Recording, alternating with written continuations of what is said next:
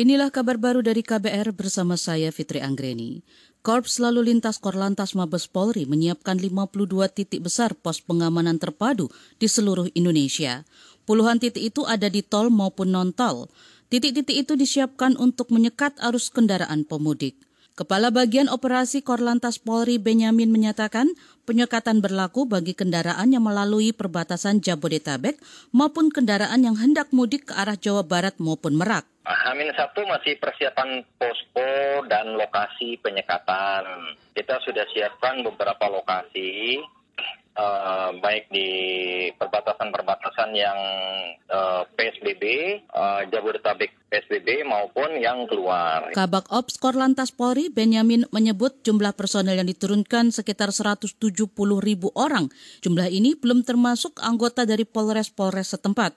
Teknisnya, polisi akan melakukan penyekatan untuk memisahkan angkutan barang dengan kendaraan penumpang baik umum maupun pribadi. Pelanggar aturan akan diminta putar balik melalui tol Jakarta atau dikeluarkan ke jalur Pantura atau Bekasi. PT Kereta Api Indonesia membatalkan seluruh perjalanan kereta api jarak jauh dari dan menuju Jakarta dan Bandung mulai 24 April 2020.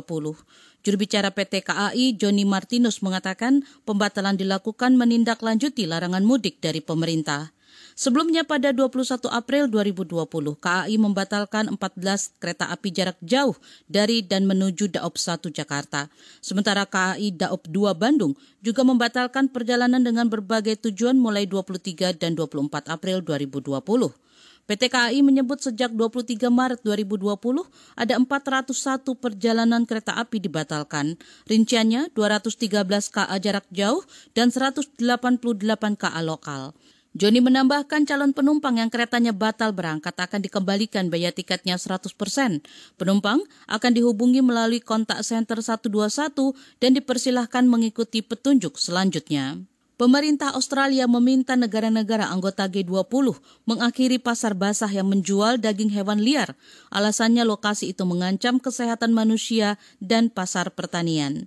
Namun langkah ini kemungkinan akan memperburuk hubungan Canberra dan China sebab sebelumnya Australia meminta penyelidikan internasional terkait penularan virus corona yang kini menjadi pandemi global.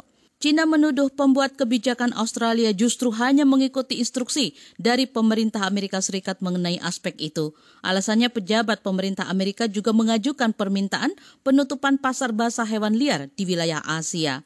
Sementara itu pada Januari lalu Cina telah melarang sementara penjualan hewan liar. Cina juga tengah mengkaji regulasi membatasi jual beli hewan liar secara permanen. Demikian kabar baru dari KBR, saya Fitri Anggreni, salam.